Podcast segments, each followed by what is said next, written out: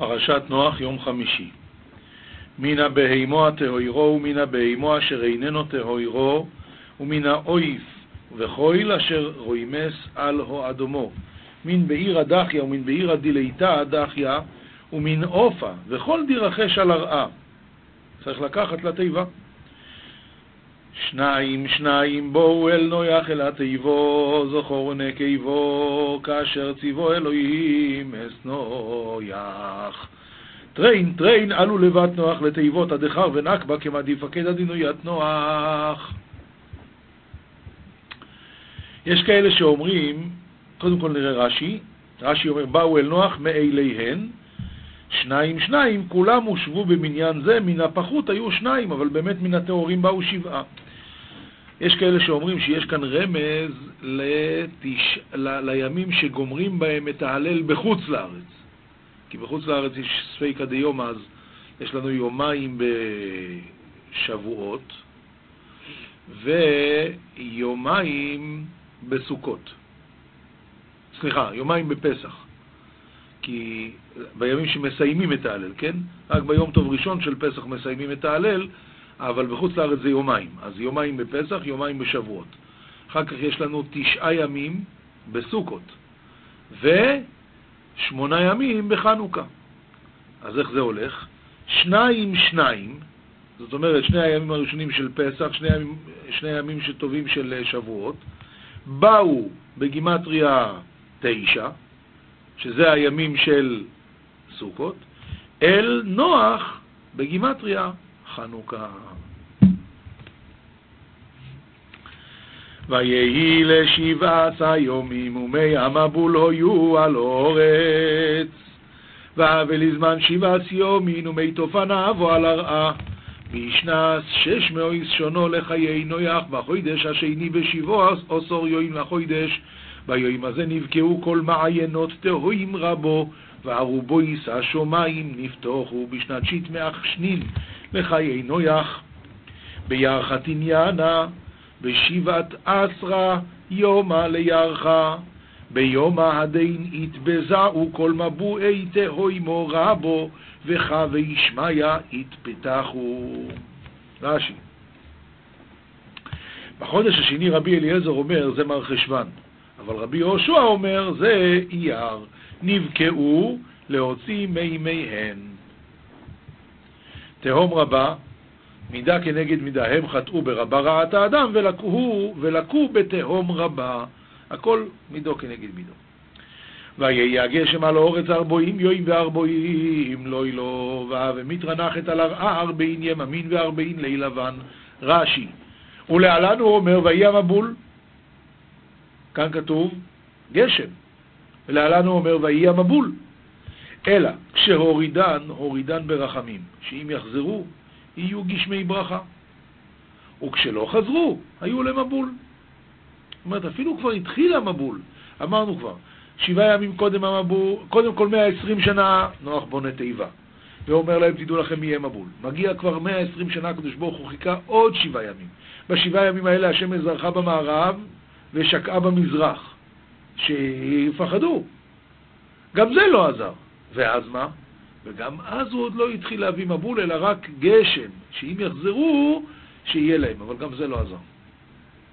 ארבעים יום, אומר רש"י, אין יום ראשון מן המניין לפי שאין לילו עמו, שהרי כתיב ביום הזה נבקעו כל מעיינות, נמצאו ארבעים יום קלים, מתי? בכ"ח בכסלו לרבי אליעזר, שהחודשים נמנים כסדרן, אחד מלא ואחד חסר, הרי י"ב ממר חשוון ו-28 ימים מכסלו. עד כאן הפסוקים ליום הזה. עכשיו, מההפטרה ישעיהו נ"ד, פסוקים ז' עד י"א. ברגע קטון עזבתיך וברחמים גדולים אקבצך, בשעה זה עיר אריכתיך, וברחמים שגיאין אקרב גל ותח. אוי, אומר הקדוש ברוך הוא, אני אחזור אליכם, ברגע קטון עזבתיך, וברחמים גדולים אקבצך, תראו מה זה רגע קטון, זה אלפיים שנה מה שקרה. רגע קטון.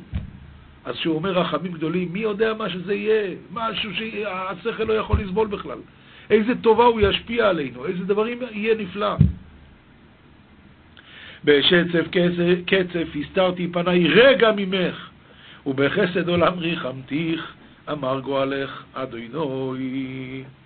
אומר רש"י, בשצף קצף מעט קצף, ובחסד עולם שיתקיים עד עולם. כי מי נוח זאת לי אשר נשבעתי מעבור מי נוח עוד על הארץ, כן נשבעתי מקצוף עלייך ומגאור בך. מוריי ורבותיי, על הפסוק הזה יש שבועות של הגוהן, ללקק את האצבעות. אומר הגוהן, יש גמרא במסכת שבועות, שאומרת שאם אדם אומר לא, לא, זה שבועה. מאיפה לומדים את זה? מפה. כתוב כאן בזה, כי מי נוח, עוד לי, אה, כי מי נוח זאת לי אשר נשבעתי מעבור מי נוח עוד על הארץ. איפה השם נשבע? לא כתוב שהשם נשבע. אומרת הגמרא, אלא שבפרשה כתוב, לא אוסיף עוד לקלל את הארץ ולא אביא עוד. או, רואים מפה שפעמיים לא, זה נקרא שבועה. זהו. עכשיו יש עוד כהן. אה, סליחה, עד עכשיו זה גמרא, עכשיו יש כהן. הגאון מווילנה אומר, כתוב, אני השם לא שניתי ואתם בני יעקב לא חליתם. אני השם לא שניתי. את המילה לא אמרתי פעמיים שנאמר, ואף גם זאת בהיותם בארץ אויביהם, לא מאסתים ולא גאלתים לכלותם. אז אני אמרתי פעמיים לא, את הלא שניתי, אמרתי פעמיים. לכן אתם בני יעקב לא חליתם, למה? כי נשבעתי, זה נקרא שבועה. אומר רב שלוימי, רב שלוימי סובל, זה מה שכתוב פה, כי מי נוח זאת לי אשר נשבעתי, מעבור מי נוח עוד על הארץ. איפה נשבעתי? שאמרתי פעמיים לא. כן, נשבעתי מקצוף עלייך ומגעור בך. מה פירוש כן? אותו סוג של שבועה של פעמיים לא, לא, לא מאסתים ולא גאלתים, נשבעתי מקצוף עלייך ומגעור בך. וברחמי השם עליי הוספתי פעם תוספת נכבדה על אותו הרעיון. יש שיר שכולם שרים אותו בשבת, יונה מצבו מנוח. שם שרים ככה: העם אשר נע כצאן טעה, יזכור לפוקדוי פריט ושבועה, לבל יעבור בם מקרה רועו, כאשר נשבעת על מי נויח. מה? שלא יעבור במקרה רעה, יזכור לפוקדם ברית ושבועה, אה, איזה ברית ושבועה? התשובה היא זה בדיוק זה. הברית ושבועה שלא מאסתים ולא גאלתיים. ריבונו של עולם, תזכור את השבועה הזאת, לבל יעבור במקרה רעה. מה אתה אומר? איפה כתוב שזה שבועה? התשובה היא כאשר נשבעת על מי נוח, גם שם זה רק לא אלוהי, ואף על פי כן זה שבועה. הלאה כי הערים ימושו והגבעות תמותנה וחסדי מאיתך לא ימוש וברית שלומי לא תמות, אמר מרחמך השם. אומר על זה רש"י, אף אם תכלה זכות אבות ואימהות, אבל חסדי מאיתך לא ימוש. גם אם ההרים ימושו, ההרים זה האבות הקדושים, והגבעות תמותנה, האימהות, יכלה כל הזכות שלהם, עדיין חסדי מאיתך לא ימוש. ענייה סוערה, לא נוחמה, הנה אנוכי מרביץ בפוך אבנייך, ויסדתיך בספירים. מה זה, מה זה מרביץ בפוך אבנייך? את הרצפה, מרביץ, לרבוץ, על מה רובצים? על הרצפה. אז יהיה אה, פוך, פוך זה אבני נופך, אבנים יקרות, נופך ספיר ויהלום. ויסדתיך בספירים, את כל היסודות נעשה עם אבני ספיר. זה מושגים שאנחנו בכלל לא יכולים, אבל כתוב בגמורה, ככה זה יהיה, ככה זה יהיה, בלי גוזמאות, ככה זה יהיה. עכשיו עוברים לכתובים, משלי פרק ב', פסוק ט"ו עד י"ט. הוא בעצם ממשיך את כל המהלך שהוא דיבר עד עכשיו, אשר אורחותיהם עיקשים. פעם אחרונה שלמדנו, אתמול, אז הוא אומר, אה, אה, להצילך מדרך רע מאיש מדבר תהפוכות, הכוונה אפיקורסים, העוזבים אורחות יושר ללכת בדרכי חושך, השמחים לעשות רע יגילו בתהפוכות רע, עכשיו הוא ממשיך, אשר אורחותיהם עיקשים ונלוזים במעגלותם. עקום, עקום, הכל עקום אצלם. והוא ממשיך הלאה, להצילך מאישה זרה, מנוכריה אמריה החליקה. כאן הוא מתחיל לדבר על עבודה זרה. עבודה זרה זה אישה נוכריה, המראה החליקה היא, אה, זה מושך, עבודה זרה זה כתוב, מושך. העוזבת אלוף נעוריה ואת ברית אלוהיה שכיחה. אותה, זה, במשל, זה לאישה זרה, מנאפת, שהיא עוזבת את, את בעלה וכולי, אבל הכוונה כאן לאפיקוירס שהולך אחרי עבודה זרה ושוכח את הקדוש ברוך הוא. כי שחה אל מוות ביתה ואל רפאים מעגלותיה. כל באיה לא ישובון ולא ישיגו אורחות חיים. כל מי שנכנס לתוך העניין של האפיקורסות והאמינות, אז לא ישובון, לא ישובון, ולא ישיגו אורחות חיים. עד כדי כך הגמרא אומרת שאלה שבאמת אפיקורסים, אז לא מסוגלים. ואם הוא חוזר בתשובה, אז הוא, הוא ימות, הוא ימות. הוא לא יכול.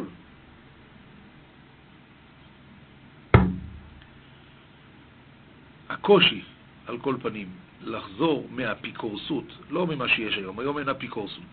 היום זה רק המרצות. אנשים אפילו לא יודעים במה הם רוצים להיות כופרים. לא יודעים, אפילו שמשמור, אם אחד כבר באמת אה, היה פעם דתי ונהיה חילוני, גם הוא לא יודע במה הוא כופר, או ברוב, ב-99% מהמקרים. לא יודעים, הרמה היא נמוכה מאוד. היום, בעיקר זה המרצות.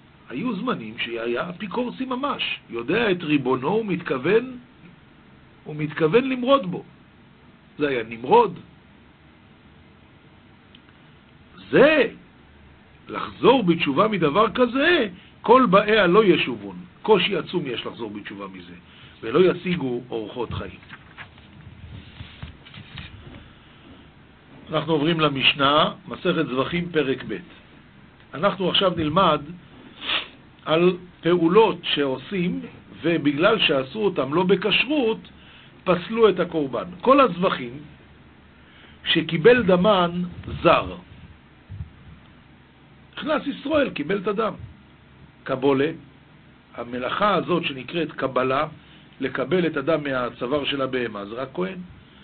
אונן, כל הזבוכים שקיבל את דמם אוינן, ואוינן אסור בעבודה, חוץ מכהן גדול. טבול יום, הוא עדיין לא ראוי להיכנס פנימה. מחוסר בגדים, כהן שלבש פחות מדי בגדים, או יותר מדי בגדים. כלומר, או פחות מארבעת הבגדים, או שהוא לבש בגדי כהן גדול. מחוסר בגדים, מחוסר כיפורים, הוא עוד לא הביא קורבן שהוא חייב להביא. שלא רחוץ ידיים ורגליים, אז גם כן, איך הוא יכול לעבוד? ערל, טמא, יושב, והדין הוא שחייב להיות בעמידה, עומד על גבי כלים, או עומד על גבי אפילו בהמה, עומד על גבי כלים, זה יותר פשוט, כי צריך להיות שהרגליים יהיו על גבי, על גבי רצפת האזרה. ואם הוא עמד על גבי כלים, אז גמרנו, זה לא טוב. אבל מה הדין אם הוא עמד על בהמה? זה מין חי, בכל זאת זה לא בסדר. או אפילו על גבי רגלי חברו, כל הדברים האלה, פסל. קיבל בשמאל, הדין הוא ששמאל פסולה לעבודה, פסל. רבי שמעון מכשיר. נשפך הדם על הרצפה ואספו. שחטו את הבהמה ולא הספיקו לקבל את דמה, אז הדם נשפך על הרצפה. הלך כהן זריז ואסף את זה מהרצפה, מה הדין? פסול. חייב להיות נתינה לתוך הכלי ישר מצוואר הבהמה. נתנו על גבי הכבש. הכהן נתן את הדם על גבי כבש, לא על גבי קיר המזבח. או אם נתנו שלא כנגד היסוד. על קיר המזבח צריך לשים את הדם, אבל רק במקום שיש יסוד, הוא שם את זה במקום שאין יסוד. נתן את הניתנים למתן, למעלן, עולה וחטאת, משתנה הדין שלהם. גם בבהמה ועוף משתנה הדין. אז מה שצריך לשים למטה הוא שם למעלה, מה שצריך לשים למעלה הוא שם למטה. או את הניתנים למעלן הוא שם למתן. את הניתנים בפנים בחוץ, למשל הקורבנות יום הכיפורים, שצריך לשים אותם, לזרוק דמם בפנים, הוא זרק על מזבח החיצון, או את הנתנים בחוץ, הוא שם בפנים. פסול ואין בו כרת. מה זה פסול ואין בו כרת? מצד אחד הקורבן פסול ואסור באכילה, אבל אם מישהו אכל מכזה קורבן, הוא לא חייב כרת. משנה ב' השוחט את הזבח לזרוק דמו בחוץ, או מקצת דמו בחוץ. כאן אנחנו חוזרים חזרה למחשבת פיגול, נכון? הרי חוץ לזמנו וחוץ למקומו. חוץ למקומו זה לא פיגול, אבל זה פסול. חוץ לזמנו זה פיגול. פיגול שמי שאוכל מזה חייב כרת. עכשיו בעצם באו לחדש לנו שרק אם הקורבן נעשה לפי איך שצריך להיות, הכל הלך חלק. רק יש בעיה אחת, הוא חשב לאכול את זה חוץ לזמנו או חוץ למקומו, אז זה בעיה. מה הדין אם יש פסול נוסף מעבר למחשבת חוץ לזמנו וחוץ למקומו? הדין הוא שזה לא פיגול. זה פסול, אבל זה לא פיגול. וכאן המשנה אומרת ככה, השוחט את הזבח לזרוק דמו בחוץ, או מקצת דמו בחוץ, להקטיר את הימוריו בחוץ, או מקצת הימוריו בחוץ, לאכול בשרו בחוץ, או כזית מבשרו בחוץ, או לאכול כזית מאור העלייה בחוץ, הדין הוא פסול ואין בו כרת. העלייה זה הזנב, את העלייה עצמה מקריבים על גבי המזבח. אבל מה הדין? אור העלייה, לא צריכים להקריב אותו, ממילא הוא נחשב דבר שאוכלים אותו. וכשאדם חושב על דבר שצריכים לאכול אותו, הוא חושב לאכול אותו בחוץ, אז זה כבר לא פוסל לעשות מזה כרת. למה? כיוון שזה דבר הנאכל, ולא על ידי המזבח. כרת אפשר לעשות רק אם חושבים על דבר שנאכל על ידי המזבח. לזרוק דמו למחר או מקצת דמו למחר. להקטיר הימוריו למחר או מקצת הימוריו למחר, לאכול בשרו למחר או כזית מבשרו למחר, או לאכול כזית מאור העלייה למחר, זה פיגול וחייבים עליו כרת. אז מקודם זה היה... אני בלבלתי. אמרתי שאור העלייה זה לאכול, ולא על ידי המזבח, ולכן זה לא כרת. לא, לא זה הסיבה. ההפך, שם מדובר על חוץ, חוץ למקומו. חוץ למקומו, הדין הוא שצריך לחשוב דווקא על דבר שנאכל, אז אני אוכל אותו חוץ למקומו. מה הדין אם אני אחשוב על דם לאכול אותו חוץ למקומו? זה לא דבר הנאכל, זה לא עושה בכלל בעיה. אבל כאן הוא כן חשב על דבר הנאכל, רק כיוון שזה לא חוץ לזמנו, לכן זה לא פיגול. אבל חוץ לזמנו זה באמת כן פיגול. משנה ג' זה הכלל. כל השוחט והמקבל והמהלך והזורק, לאכול דבר שדרכו לאכול, הנה זה הכלל באמת, לאכול דבר שדרכו לאכול, להקטיר דבר שדרכו להקטיר, חוץ למקומו פסול ואין בו כרת, חוץ לזמנו פיגול וחייבים עליו כרת. אבל זה הכל בתנאי ובלבד שיקרב המתיר כמצוותו. כמו שאמרנו מקודם, שכל תהליך הקרבת הקורבן היה כמו שצריך. אם היה פסול נוסף מעבר למחשבת חוץ למקומו, חוץ לזמנו, זה לא תופס. כיצד? כיצד קרב המתיר כמצוותו? זה משנה ד', שחט בשתיקה. אז הוא בעצם עדיין לא עשה שום בעיה. קיבל והילך וזרק חוץ לזמנו, או ששחט חוץ לזמנו, הוא אמר שהוא יאכל את זה מחוץ לזמן, קיבל וילך וזרק בשתיקה, או ששחט וקיבל וילך וזרק חוץ לזמנו, זהו שקרב המתיר כמצוותו. כלומר, חוץ מהבעיה הזאת של חוץ לזמנו, לא הייתה כאן שום בעיה נוספת. כיצד לא קרב המתיר כמצוותו? שחט חוץ למקומו, וקיבל וילך וזרק חוץ לזמנו, אז יש כאן שני סוגי פסולים, גם חוץ למקומו וגם חוץ לזמנו. במקרה כזה זה פסול, אבל לא כרת. או ששחט חוץ לזמנו, וקיבל, לא, לא שהוא שחט חוץ לזמנו, הוא שחט עם לאכול את זה מחוץ לזמנו, או לזרוק את הדם חוץ לזמנו. קיבל והילך וזרק חוץ למקומו, או ששחט, קיבל והילך וזרק חוץ למקומו, או פסח וחטאת, שהדין הוא שחייב לעשות אותם לשמן, פסח בזמנו שנעשה שלא לשמו, או חטאת שנעשה שלא לשמה, היא פסולה. אז הפסח והחטאת ששחטן שלא לשמן, קיבל וילך וזרק חוץ לזמנו, או ששחט חוץ לזמנו, קיבל וילך וזרק שלא לשמן, או ששחט, קיבל וילך וזרק שלא לשמן, ואז יש לנו פה שני סוגי פסולים, אז זה לא קרב כמצוותו, זהו שלא קרב המתיר כמצוותו. משנה ה' לאכול כזית בחוץ וכזית למחר. כזית למחר וכזית בחוץ. כזית, כחצי זית בחוץ וכחצי זית למחר, כחצי זית למחר וכחצי זית בחוץ, פסול, אבל אין בו כרת. למה?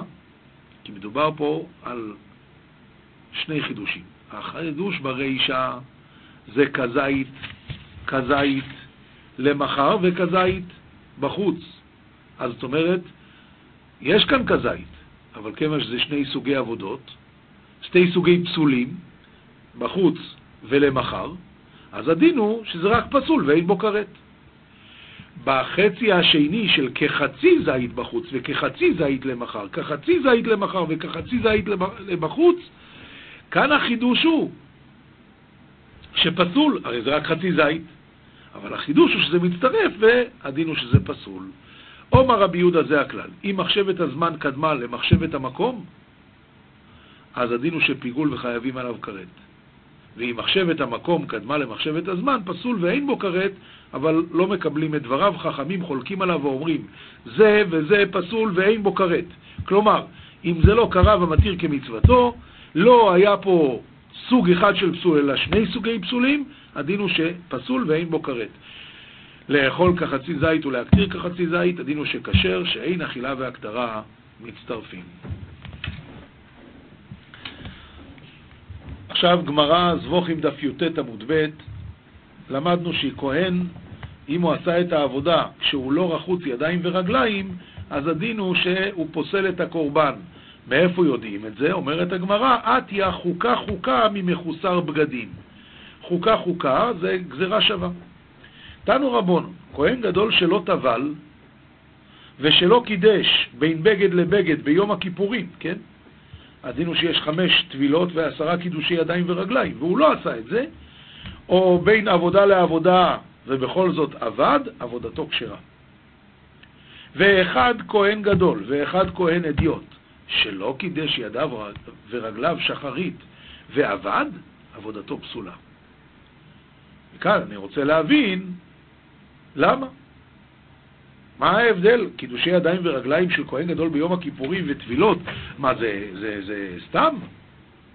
אם אתה אומר שבבוקר לא עשה, זה פוסל את כל העבודה, אז למה ביום הכיפורים לא?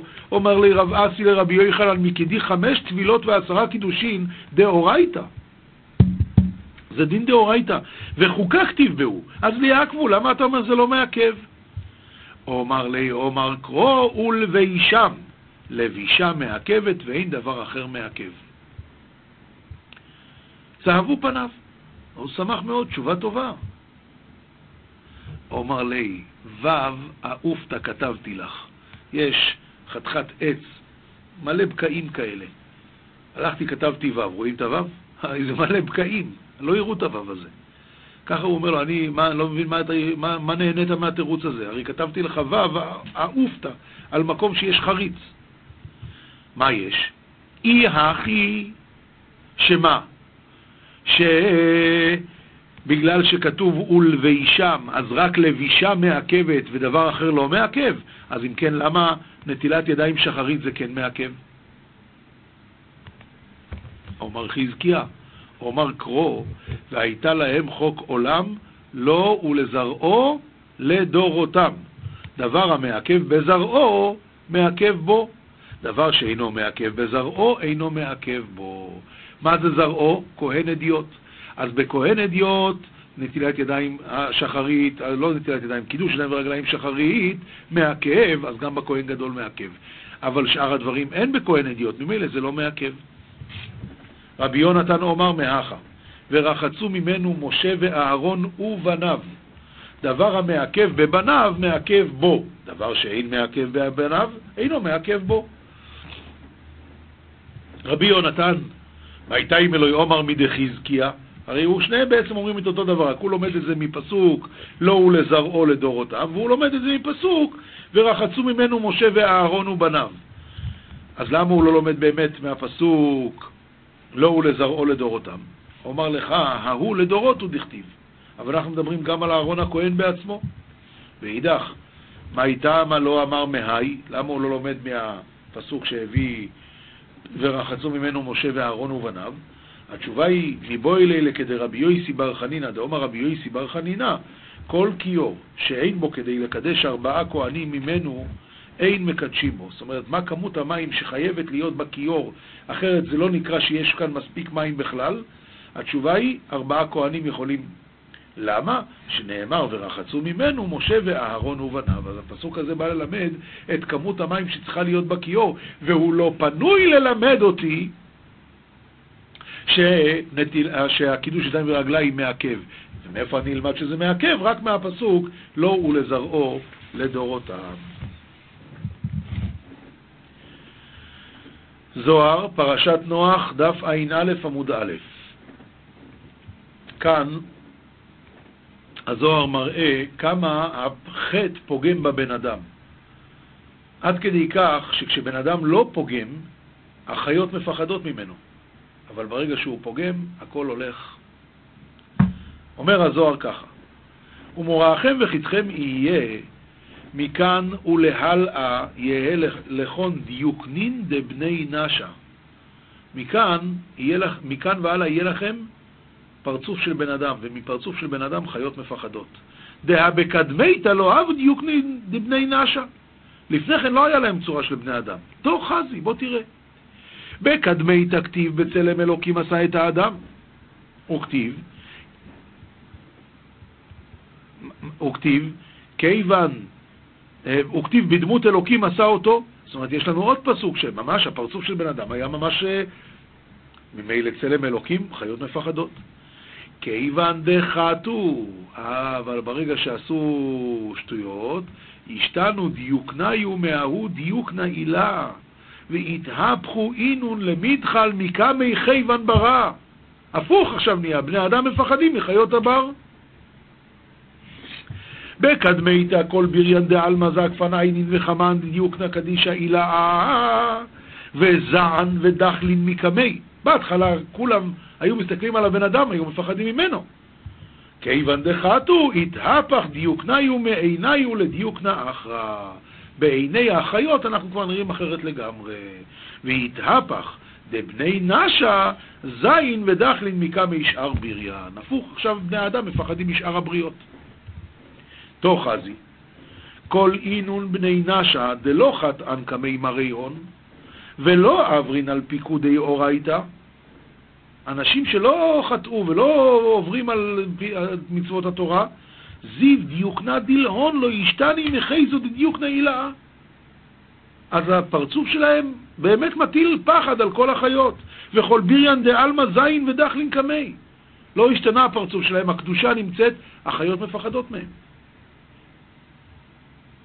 ובשייתא דבני נשה אברין על פתגמי אורייתא, איתך עליו דיוקנה דילהון וכולהו זעין ודחלין מקמי ביריאן אחרנין. אז כבר זה סיפור אחר לגמרי. בגין דהתחלף דיוק נעילה והתעבר מניו. כדי נשלתי ברוחי ודברא, דהלא חמה ברור, ההוא דיוק נעילה כדי כחזי. הם לא רואים, אז הם לא מפחדים. ועל כן, השתא, כיוון דעלמא יתחדש כמלקדמין. ולכן עכשיו, אחרי המבול, שהעולם נהיה חדש, בריך לון ברכת הדל, לכן השם בירך אותם עכשיו את הברכה הזאת, שמה? ומוראכם וחטכם. ושליט לון על כל, תשלטו על כל העולם. כמו דעת אמר, וכל דגי הים בידכם ניתנו, ואפילו נוני ימה, אפילו הדגים יפחדו. אבל אל תעשו שטויות, אל, ת, אל תקלקלו. רבי חייא אומר, בידכם ניתנו, על הדגים נאמר, בידכם ניתנו מקדמת דנא, דקדברק ותשבריחו, על מה? מסר כולה בידי הון. דכתיב ורדו בדגת הים ובעוף השמיים וגוי מהר. זאת אומרת, זה לא ברכה לאחרי המבול, אלא הוא אומר, כל דגי הים בידכם ניתנו כבר, מקודם נתתי לכם. כבר בהתחלה הוא הרי אמר, רדו בדגת הים ובעוף השמיים. עד כאן הזוהר הקדוש להיום הזה, ועכשיו הלכה, פסוקה, שולחן ערוך, אבן העזר, סימן כ"א, כ"ב. בענייני קדושה, זה אחד מהיצר, מהיצר הרע הכי חזק שיש בעולם, ככה הקדוש ברוך הוא הטביע, אבל זה יצר הרע וצריך אדם לשים גבולות. ומה הם הגבולות? צריך אדם להתרחק מהנשים מאוד מאוד. ואסור לקרוץ בידיו או ברגליו ולרמוז בעיניו לאחת מהעריות. ואסור לשחוק עמה, להקל ראשו כנגדה, או להביט ביופייה. אין שואלים בשלום אישה כלל. עד כדי כך, רב ניסים קרליץ אמר פעם, שצריכים, שמדברים אפילו בטלפון, אז מה, לא אומרים שלום. אחרי הצהריים טובים, בוקר טוב, צהריים טובים, אבל לא אומרים שלום בכלל. המחבק ומנשק אחת מהאריות, שאין ליבו נוקפו, כגון אחותו הגדולה, אחות אביו, הרי זה מגונה ביותר, ודבר איסור הוא ומעשה טיפשים, שאין קרבין לערווה כלל, חוץ מהאב לביתו והאם לבנה. חוץ מהדברים האלה, אפילו זה אחותו הגדולה ואין לו שום יצר הורה. הוא אומר, זה מגונה ביותר, דבר איסור ומעשה טיפשים. אסור להתייחד עם ערווה מהאריות, בין זקנה בין ילדה, שדבר זה גורם לגלות ערווה. חוץ מהאם עם בנה והאב עם ביתו. זה כמובן מדובר על אריות ממש, ובתוכם אשת איש.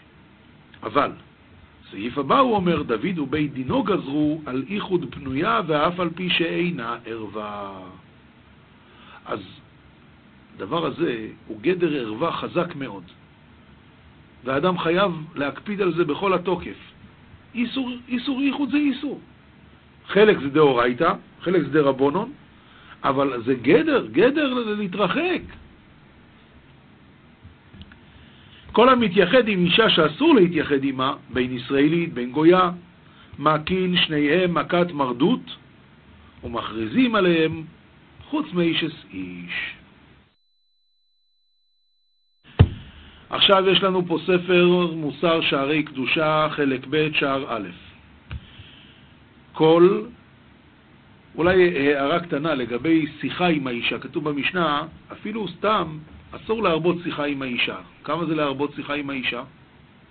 כמה זה נקרא להרבות? אז אומרים המפרשים, תראה, שבאו הטמאים לשאול את משה רבינו למה ניגורה, אנחנו גם רוצים להקריב את קורבן השם פסח, אז קיבלו את פסח שני. אז כתוב שהם באו וטענו את הטענות שלהם, ואז משה רבינו אמר להם, עמדו ואשמעה מה יצווה השם. זאת אומרת, חכו. אבל הוא אמר להם חמש מילים, עמדו ואשמעה מה יצווה השם. באו בנות צלופחד, וטענו את הטענות שלהם, הן רוצות חלק בארץ ישראל, מה משה רבינו ענה להם? כלום. מה הוא אמר? ויקרב משה את משפטן לפני השם. הוא לא אמר להם כלום. זאת אומרת, אפילו חמש מילים, זה אל תרבה שיחה עם האישה. מה שצריך, צריך. מה שלא צריך, בשביל מה? בשביל מה? כמה שצריך להתרחק, צריך להתרחק. עכשיו אנחנו הולכים ללמוד מוסר מספר שערי קדושה, חלק ב', שער א'. כל הנאות וטובות העולם הזה, הבל הימה מעשה תעתועים. ולמה תתגאה על הבריות? אם בקומה זקופה, כולם נבראו בצלם אלוקים, כמוך. ואם במשפחה, כולנו בני איש אחד אנחנו, בני אברהם, יצחק ויעקב. ואם באושר, כמה ריקים ופוחזים ממך, עשירים יותר ממך.